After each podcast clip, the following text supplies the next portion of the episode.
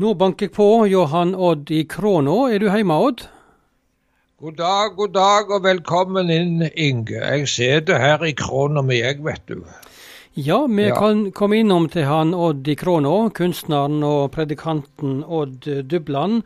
Og når jeg eh, vi besøkte deg sist, eh, så snakket vi litt eh, hvordan vi hilser på hverandre når vi treffes. Gjennom kjentfolk langs veiene. Og du nevnte på, på Jæren kunne hilse med litt sånne væruttrykk, stemmer ikke det? Jo da, i dag hadde folk sagt nei, i dag er den fin. Hadde de sagt f.eks. når det er slik et fint vær. Han er fin i dag. Eller hvis det er kaldt. Ja, han er kald. Ja, I plass for å si god dag. Ja ja, han er kald. Men hvis du hadde spurt en setestøl f.eks. om eh, eh, hva slags vær det blir framgjennom, en regner på at det blir litt kaldere, så kan han si det var kaldere veier. Ja. Ja, ikke sant? Det er bare kaldere veier. Og hvis en spør en trønder da om eh, hva slags vær, så hvis det regnes på å bli kaldere, så kan han si slik Ja, det blir kaldere. Du, eh, Odd, du har jo farta land og strand du som predikant i åravis. Du har snappa opp ulike dialekter.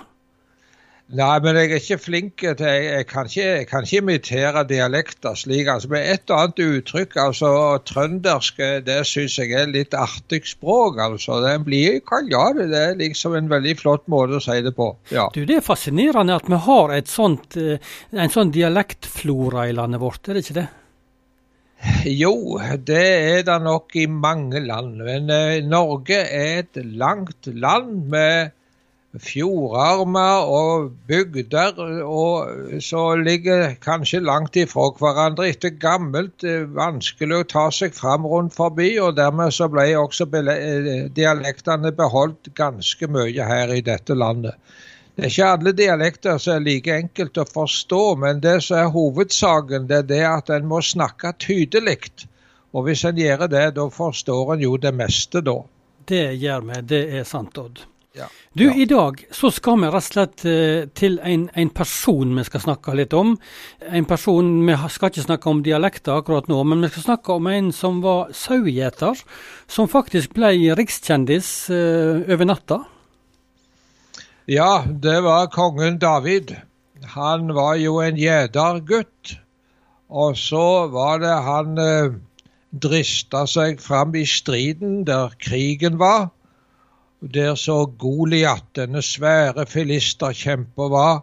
Han var en profesjonell soldat, denne Goliat, med svær utrustning.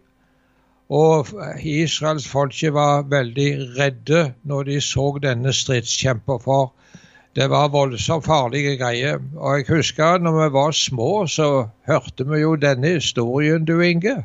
Ja, om David og Goliat, ja. Ja da. Og så var det det at eh, det ble gitt store løfter til den som kunne felle denne stridskjemper. Og eh, David, han meldte seg.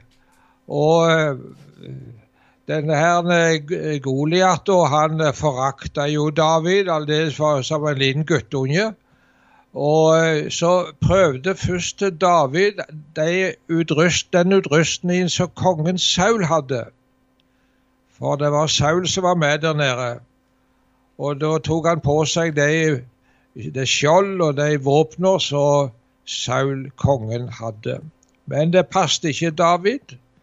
Han eh, gikk ned i bekken, og så fant han noen glatte steiner, står det skrevet, og så hadde han ei slynge. Og så gikk han imot denne svære, profesjonelle soldaten som var eh, pansra på alle vis. Og så slengte David en stein og trefte Goliat rett i pannen, slik at han eh, falt. Og da ble det en jubel i hele Israel, vet du, for det som hadde skjedd, for filistrene flykta. Og eh, kvinnene de gikk og sang. Saul, kongen, felte tusen, men David felte ti tusen. Men da ble det gale med kongen, for han ble fylt av misunnelse og sto David etter livet etterpå, hele sin dag. Så kong Saul han ville altså da uh, ta hevn på David? Ja, han tålte ikke det at uh, folket roste David framfor kongen sjøl. Og det ble ei veldig tøff tid for David, for uh, Saul ville ta livet av han. Og En gang så sendte kong Saul ut 3000 mann for å prøve å fange David. Men Herren fridde han ut. Og han eh, synger jo i en salme, David, om jeg enn skulle vandre i dødsskyggens dal, så frykter jeg ikke for noe vondt, for du er med meg. Men saken er den at David vandra i groen i dødsskyggens dal hele sitt liv. Og så er det at eh, Saul han dør, og David blir konge etter han. Ja, og den eh, kongeperioden eh, for, for David, si litt mer om den. Ja, David han klarte å nedkjempe Israels fiender, så landet ble stort og mektig. Og det var da David kom i en spesiell fristelse. Ja, hva tenker du på da? Ja, jeg tenker ikke på den affæren som han hadde med Batseba og der han begikk en meget alvorlig synd imot Gud, både med hor og drap. Men han eh, tenkte det, David, at nå er blitt så mektige og store at nå vil jeg eh, telje folket. Og da gjaldt det å telje de våpenføre mann, og liksom mønstre alt det som Israel kunne frambringe militært. Var ikke det helt naturlig da? Jo, i verden så er det naturlig, og det kan en se f.eks. òg i mer moderne tid. Ta f.eks. borti Sovjet eh, og Russland, når det er militærparader på Den røde plass i Moskva. Det er jo fryktinngytende det å se det der. Det er titusenvis av soldater som går i hanemarsj. Det er massevis av stridsvogner og tanks det er raketter, og over hodet så dundrer eh, massevis av jagere og bombefly for å vise makt, hvor sterk en er. Og en tenker f.eks. I, i Nord-Korea. Disse enorme parade, eh, paradene til ære for lederen. Og jeg tenker på under før krigen i Tyskland det var oppstilling av titusenvis av soldater med blankpussa uniformer for å vise sin makt. Og i sentrum så sto en mann, og det var Hitler. Det var liksom dette hadde han fått til. Og, men så skjer dette at makta kan gå til hodet på folk. Eh, var, var, det det som skjedde med David? Du nevnte det var en fristelse for David. Var det det at makta gikk til hodet på han? Ja, det var en ting som David glemte av. Jaha, hva var det? Han glemte av at Israel som land og rike var et under av Gud. Og at det var ikke ved sin egen makt de hadde blitt berga, men det var Gud som hadde vært med dem. Det var det som David glemte av.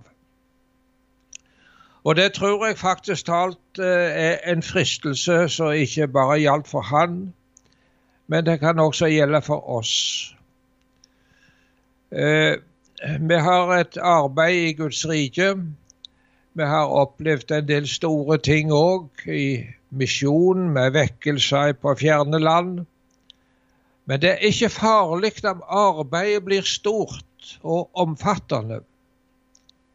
Det som er farlig, er hvis vi blir store og tror at eh, det er vi som har gjort det. Jeg tenker f.eks. på en annen ting. Det gjelder i Rom så står den berømmelige Peterskirka.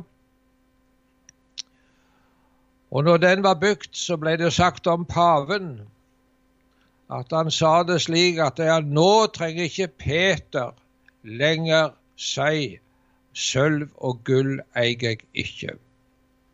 Altså han så seg sjøl som etterfølger av Peter.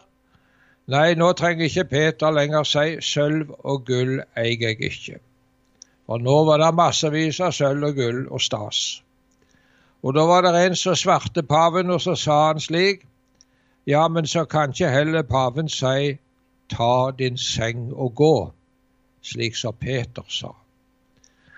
Kristendom består ikke i kirkebygg og ytre stas. Og jeg tror nok kanskje det òg at vi glemmer det at eh, det er Gud som må hjelpe oss i arbeidet vårt. Og det har hendt av og til når jeg har vært ute og hatt møter og gjerne kom fram til et bedehus og skal tale der, så har jeg måttet stoppe opp litt, og så har jeg tenkt som så Har jeg tatt meg tid til å be? Eller fer jeg bare tankeløst av gårde? Regner at det selvfølgelig går det bra? Nei, det gjør ikke det. For også vårt arbeid det skal være velsigna av Gud at vi har bruk for Han. Jeg kommer på en plass eh, Det skjedde for mange år siden. Det var et møte en plass, et kristent møte. Og Så var det han som skulle lede møtet. Han, han kom ikke. Vel, han skulle komme, de venta på han. Men tida gikk, og det ble over halv åtte, hadde han nær sagt. Og plutselig kom han stormende inn døra, og så kvisker han til en satt på nederste benk Viking vant. Ja, og da kan en tenke som så Hvor er det åndskrafta blir av når en er opptatt med slike ting hele tida? I visse høve så kan medgang være farligere enn motgang. Og det er nok til og med predikanter som ikke tålte medgangen men det ble en annen utgang enn jeg hadde tenkt. Der et, der er et ord som heter slik at hovmod står for fall. Det var bare noen tanker jeg hadde, Inge, at vi aldri måtte glemme å be Gud om hjelp. Og at vi lukker Han inn i de ting vi sysler med i det kristne arbeidet. Og at vi ikke bare haster av gårde som vi tror vi ja, dette skal vi klare godt. Vi gjør ikke det. Det var bare noen tanker som jeg hadde i dag, du gode Inge.